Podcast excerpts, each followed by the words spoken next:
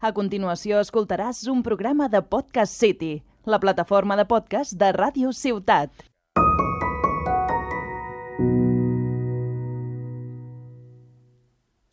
Bona tarda, estimats amics i amigues. Comencem una nova temporada de Postals Antigues, el podcast que parla de Tarragona i que vol recuperar algunes escenes, llocs, fets històrics, personatges i maneres de viure i de fer dels tarragonins i les tarragonines d'abans.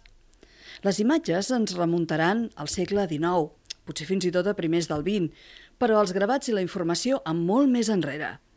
Aquesta és una part de la història de la ciutat i de la gent que hi ha viscut des de temps antics, i tot plegat té forma de postal, que no deixa de ser una comunicació per escrit, amb una imatge d'algú que demostra que allà on sigui pensa en nosaltres.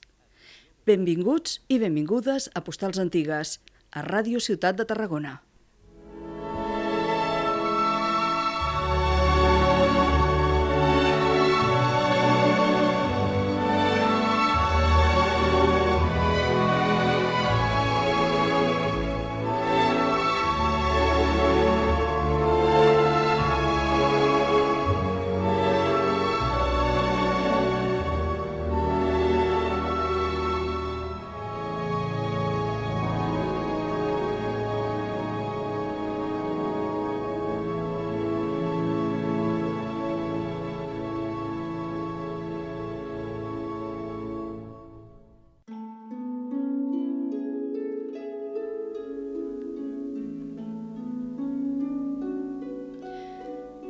Des dels seus orígens, un dels problemes que ha tingut Tarragona ha estat la manca d'aigua potable.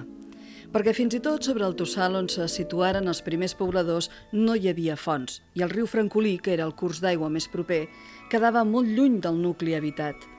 Amb la dificultat, a més, de salvar més de 50 metres de desnivell per aprofitar les seves aigües.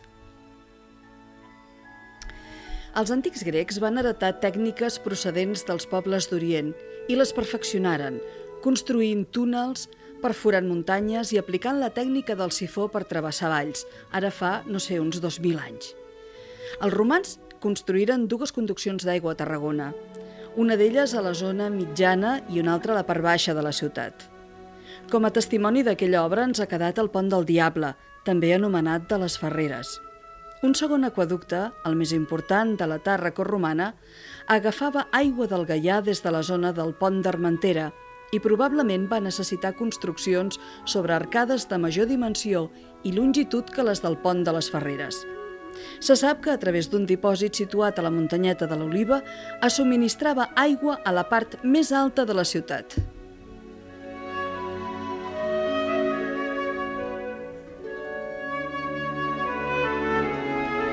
Segles més tard, les conduccions romanes quedaren en desús i durant la dominació islàmica, l'abandonament s'accentuà i tot i que sembla que al temps d'Abdelarrahman III es restaurà aquest aquaducte, el cert és que anys més tard va deixar simplement d'utilitzar-se.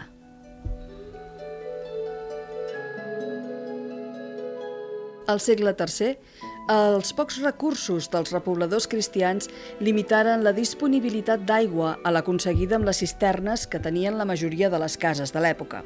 Estem parlant del segle XIII. Més endavant, la construcció d'esglésies i, sobretot, la de la catedral, van permetre aprofitar l'aigua de les teulades i fer cisternes més grans. El problema, però, no estava resolt. No es tractava només d'acumular aigua, ja que en èpoques de sequera l'aigua conservada acabava per fer-se malbé, acabava per corrompre's.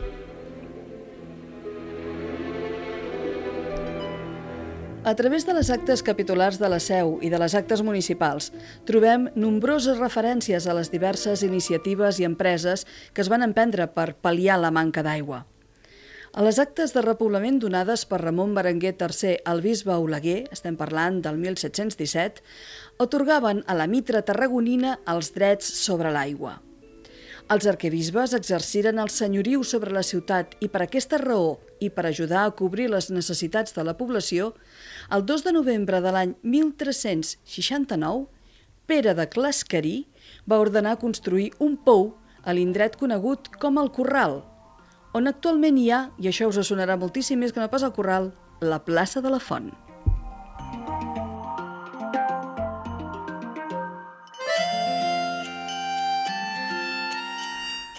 Com podeu veure, avui les postals antigues van sobre aigua i sobre fonts, especialment una, que serà la que tractarem a la segona part de l'espai, i que és, com no, n'hi ha més, eh? Per descomptat que n'hi ha més i, les, i en parlarem en altres podcasts, però avui la nostra protagonista serà la font del centenari. L'any 1438, l'arquebisbe Domènec Ram va determinar utilitzar l'aigua d'aquest pou per les necessitats de la ciutat. Quatre anys abans s'havia fet un primer intent per construir una conducció de fusta per portar aigua des de la font de les Morisques a la muntanya del Llorito, però no va donar els resultats esperats i es va tornar a intentar també sense èxit el 1451. Fins aleshores, els habitants de Tarragona seguiren utilitzant l'aigua que acumulaven a les cisternes – i això, per tant, els creava una dependència total del règim de pluges i els impossibilitava d'emmagatzemar-les en condicions aptes per al consum durant períodes molt llargs. En aquella època, l'única font natural dins la ciutat estava al carrer de l'Arc de Sant Llorenç.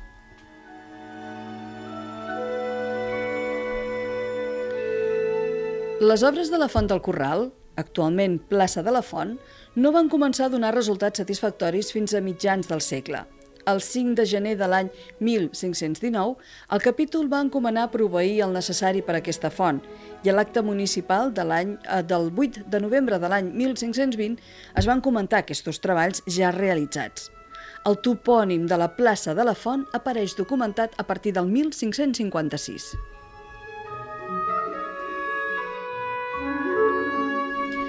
Ara bé, tot i aquestes obres, les necessitats de la població no es podien cobrir amb els pous i cisternes de què es disposava.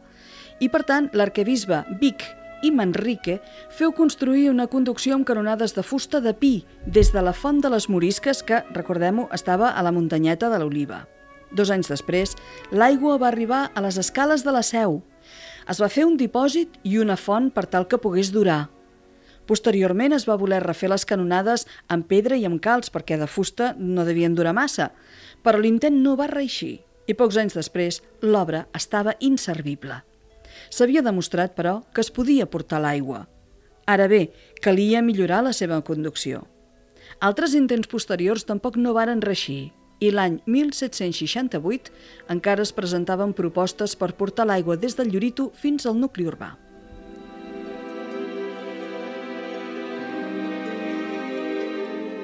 A mitjans del segle XVIII, l'aigua de la plaça del Corral seguia a càrrec de la ciutat. Resultava cara i sovint, a l'estiu, per causa de les filtracions marines, era salada i no servia per cuinar.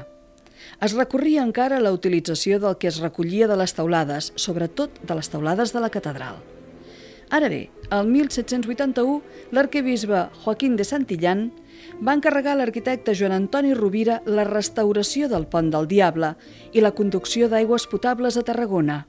Des de la mina, que s'havia descobert a Puigpelat i que amb el seu grau caudal ajudaria a resoldre el problema.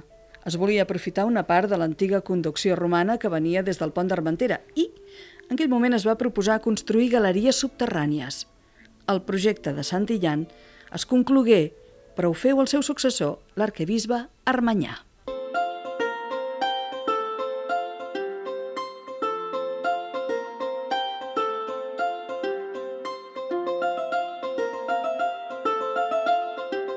Les acaballes del segle XVIII, la conducció va arribar a la muntanya de l'Oliva i mitjançant un tram provisional de fusta, el dia 25 d'agost va finalment exportar aigua fins a Tarragona. L'any següent es construïren els arcs definitius entre l'Oliva i la ciutat i finalment, el 1 de desembre del 1798, l'aigua va arribar al jardí del Palau Arquebisbal i el dia següent a la plaça de les Cols.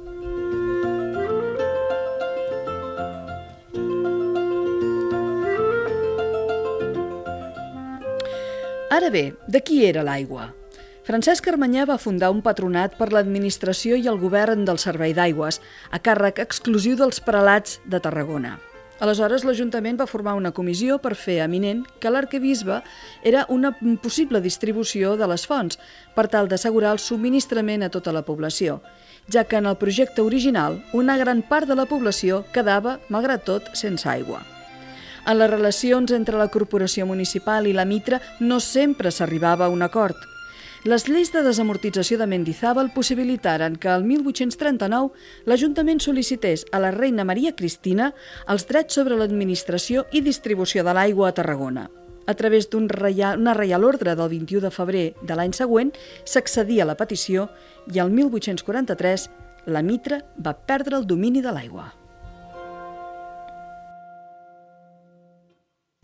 50 anys més tard, l'elevació d'aigües del pou d'en Franquet del dipòsit de l'Oliva va permetre augmentar considerablement el cabal fins a la ciutat.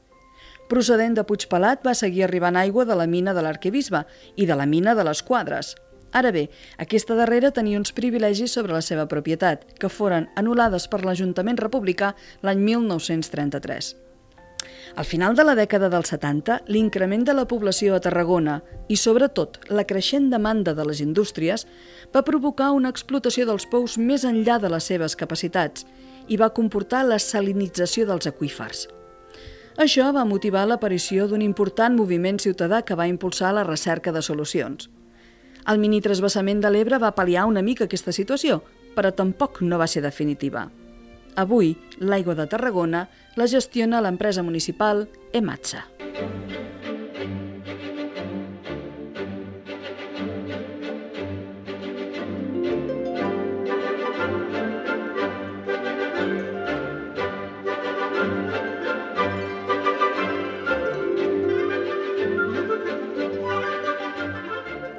La importància de l'aigua. Moltíssima. Si no hi ha aigua, no hi ha vida. De fet, l'existència de fonts naturals ha estat sempre i a tot arreu un factor que ha favorit el poblament. Per contra, la seva mancança ha estat causa de desertització humana, animal i vegetal. Per això, la història de la humanitat es va iniciar en zones amb abundància d'aigua, ja fos manantial o pluvial.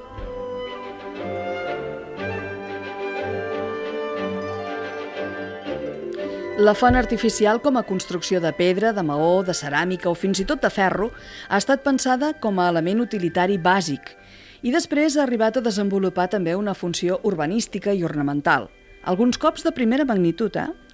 Al món clàssic grecorromà és habitual embellir les poblacions amb fonts i fins i tot vestint algunes de monumentals. A l'edat mitjana, les fonts públiques eren escasses i molt simples, però amb l'arribada del Renaixement i la redescoberta del món clàssic van tornar a adquirir una importància ornamental fantàstica, malgrat que seguien sent necessàries per cobrir les necessitats de la població.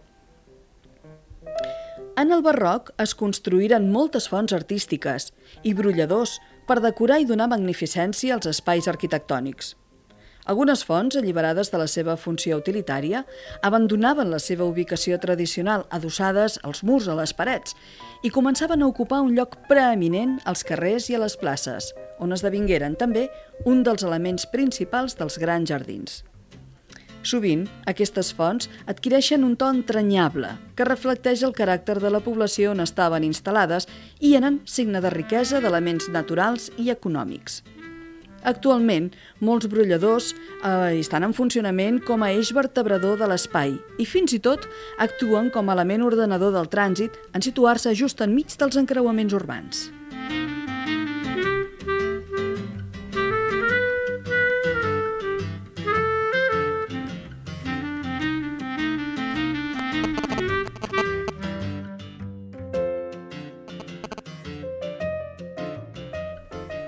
Ja hem vist les vicissituds per les quals ha passat Tarragona per aconseguir l'aigua suficient per cobrir les necessitats dels seus habitants. Això condicionat a la construcció de fonts ornamentals i pràcticament totes les de la ciutat foren bastides per facilitar aigua als tarragonins. Actualment, les fonts formen part d'un disseny urbanístic i són també importants com a elements ornamentals a Tarragona. No podem passar per alt la font del centenari, com a exemple, i altres que, tenint una funció utilitària, formen part del paisatge urbà de Tarragona.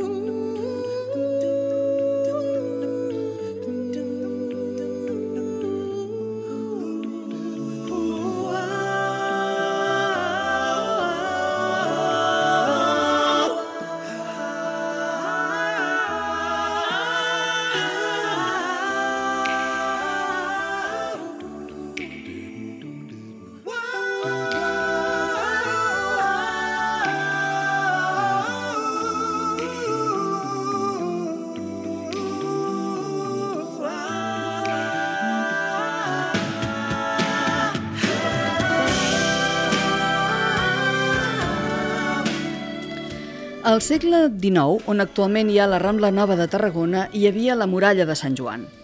Aquesta és la raó per la qual un dels noms que va tenir la Rambla al llarg de la seva història va ser Rambla de Sant Joan. Aquesta muralla es va construir al segle XVI i va servir de mur divisori entre la part alta i la zona del port de la ciutat. Quan l'any 1854 la van enderrocar, va donar pas a un espai anomenat l'Esplanada, l'adequació del qual va entrar en el Pla d'Eixample de la ciutat. A fi de fer-ho efectiu, l'Ajuntament va convocar un concurs públic amb l'objectiu d'adjudicar el projecte de modernització i urbanització de la zona. El va guanyar l'enginyer Josep Cribiller i Teixidor, tot i que no el va poder completar a causa de la seva mort prematura.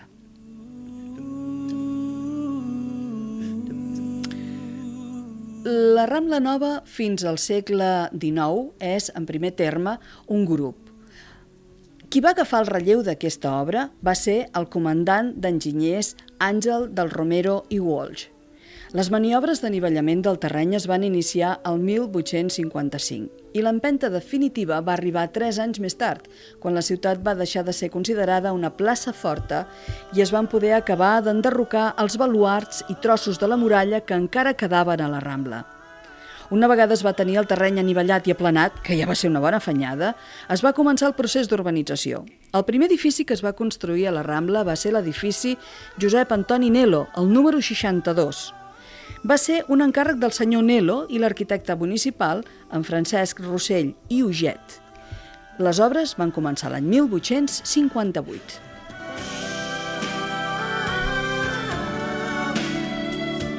Aquest és un edifici emblemàtic. Fa cantonada amb el carrer Unió, segur que us ve molt present. Als seus baixos hi ha hagut botigues tan conegudes com la perfumeria Micó, per exemple, o més recentment una botiga de joguines anomenada Imaginarium, o un Dunkin' Donuts, em sembla que en quin moment està tancat.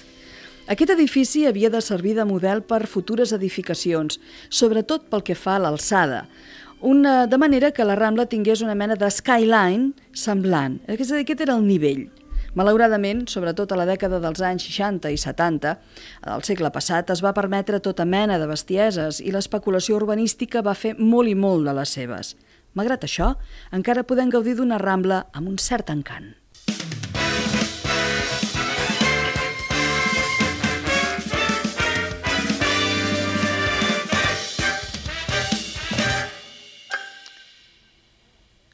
De mica en mica, i any rere any, la Rambla de Tarragona va anar agafant forma i es van construir edificis convertint-se amb els anys en el passeig més emblemàtic de la ciutat de Tarragona.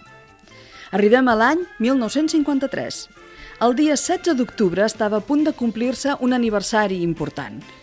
100 anys de l'enderroc dels darrers baluarts i muralles que van donar pas al que avui coneixem com a Rambla Nova – per recordar aquesta efemèride, l'Ajuntament de Tarragona va decidir celebrar una gran festa. Penseu que això era l'any 1953, feia 100 anys i, per tant, estem caient més o menys en aquestes mateixes dates. Per aquesta finalitat, per aquesta, per aquesta festa de celebració, es va nomenar una comissió organitzadora, presidida per l'alcalde Enric Oliver, on estava representada també la Cambra de Comerç, la Cambra de la Propietat Urbana, les delegacions locals de l'aparell polític i social del règim i també fins a 23 entitats i organismes que comprenien des de la Societat Arqueològica fins al regiment Ebre 56. La proposta que va posar l'Ajuntament damunt de la taula va ser la construcció d'una font al final del darrer tram de la Rambla. Seria la Font del Centenari i avui encara se la coneix amb aquest mateix nom. Quan es va conèixer aquesta proposta, les crítiques, naturalment, no van trigar gens a sortir. Que si seria millor posar-la separada de la coca, que seria millor posar-la al començament de l'Avinguda Conde de Vallellano, que s'estava començant a organitzar en aquell moment, que s'hi destorbaria el pas dels vianants, que si s'haurien de tallar els arbres... En fi, les coses que passen quan es pren una decisió, sabent que no es pot fer content a tothom. També hi va haver qui va proposar la font del centenari a la plaça Imperial Tàrraco. Fins i tot es va suggerir treure l'estàtua dels despullats i construir la font en aquella cruïlla amb els carrers Ixart i Canyelles. Per alguns, l'estàtua que, que homenatja als herois del 1811 no s'hagués hagut de vestir mai.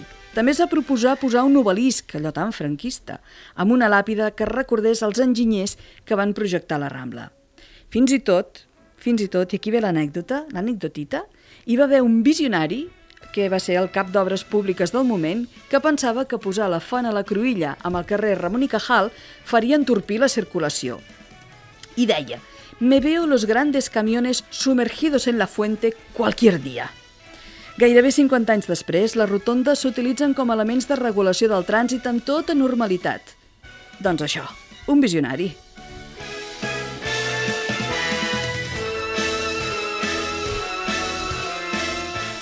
La qüestió és que després d'una llarga polèmica es va decidir posar la font al final del quart tram de la Rambla. La proposta era una font que va dissenyar l'escultor barceloní Josep Viladomat i Massanes, que havia quedat finalista en un concurs convocat uns mesos abans per l'Ajuntament de Barcelona. Pel que sembla, tot i haver guanyat el concurs, als governants barcelonins del moment els va semblar una font petita i poc interessant, de manera que va romandre desmuntada durant uns mesos al taller del senyor Viladomat. Això tampoc va agradar a alguns sectors de la població tarragonina del moment i per dues raons. La primera perquè van considerar que era una font com de segona mà i la segona perquè l'escultor no era de Tarragona.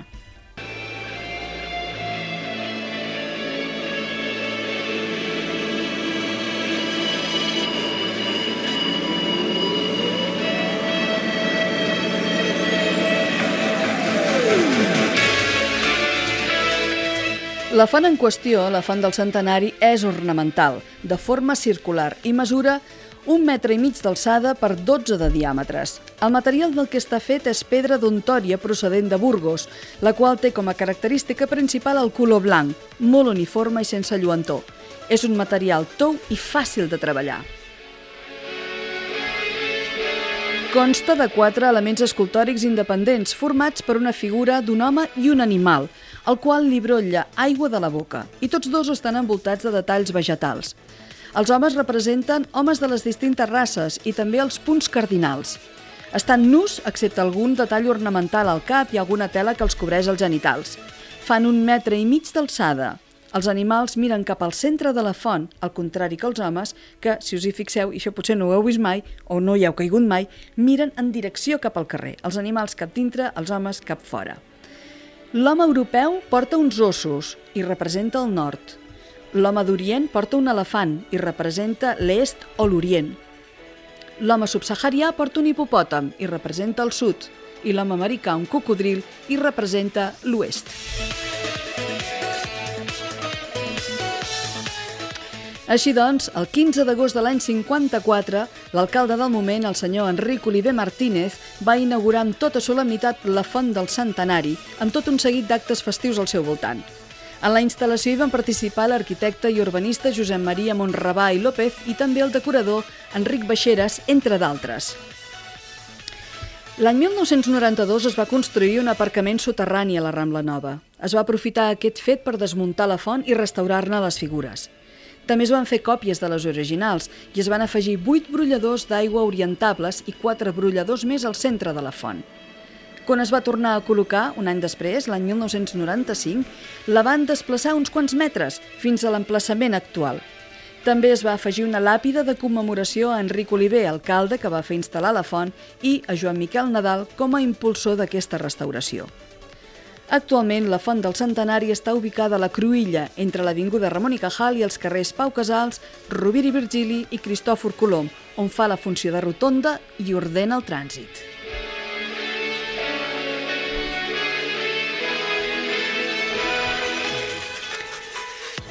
Hi ha molta informació, molta, molta, molta, molta sobre elements de Tarragona. Les fonts, les làpides, les pedres, la serigrafia, tot el que hi ha.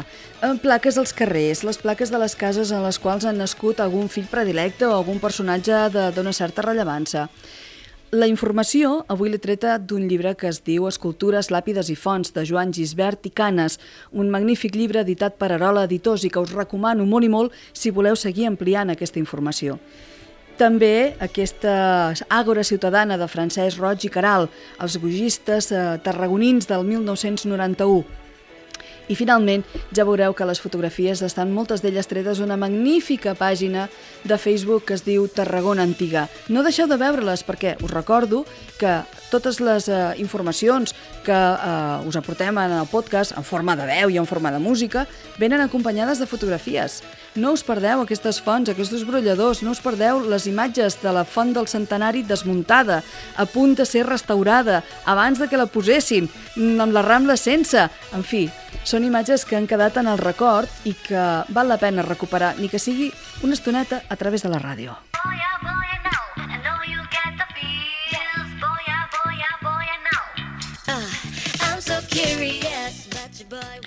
Avui, aprofitant la benentesa, que és el primer programa, aquesta música final em fa un somriure. Està dedicada, està dedicada a l'Òscar, que és un K-popper. és un K-popper. Uh, no és l'únic, eh? En tinc una casa, també.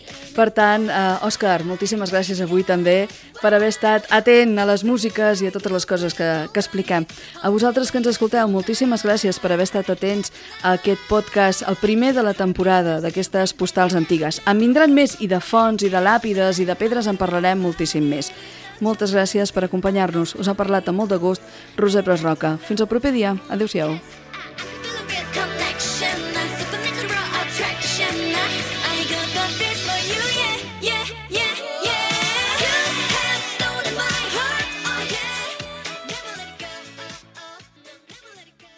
Has escoltat un programa de Podcast City, la plataforma de podcast de Ràdio Ciutat.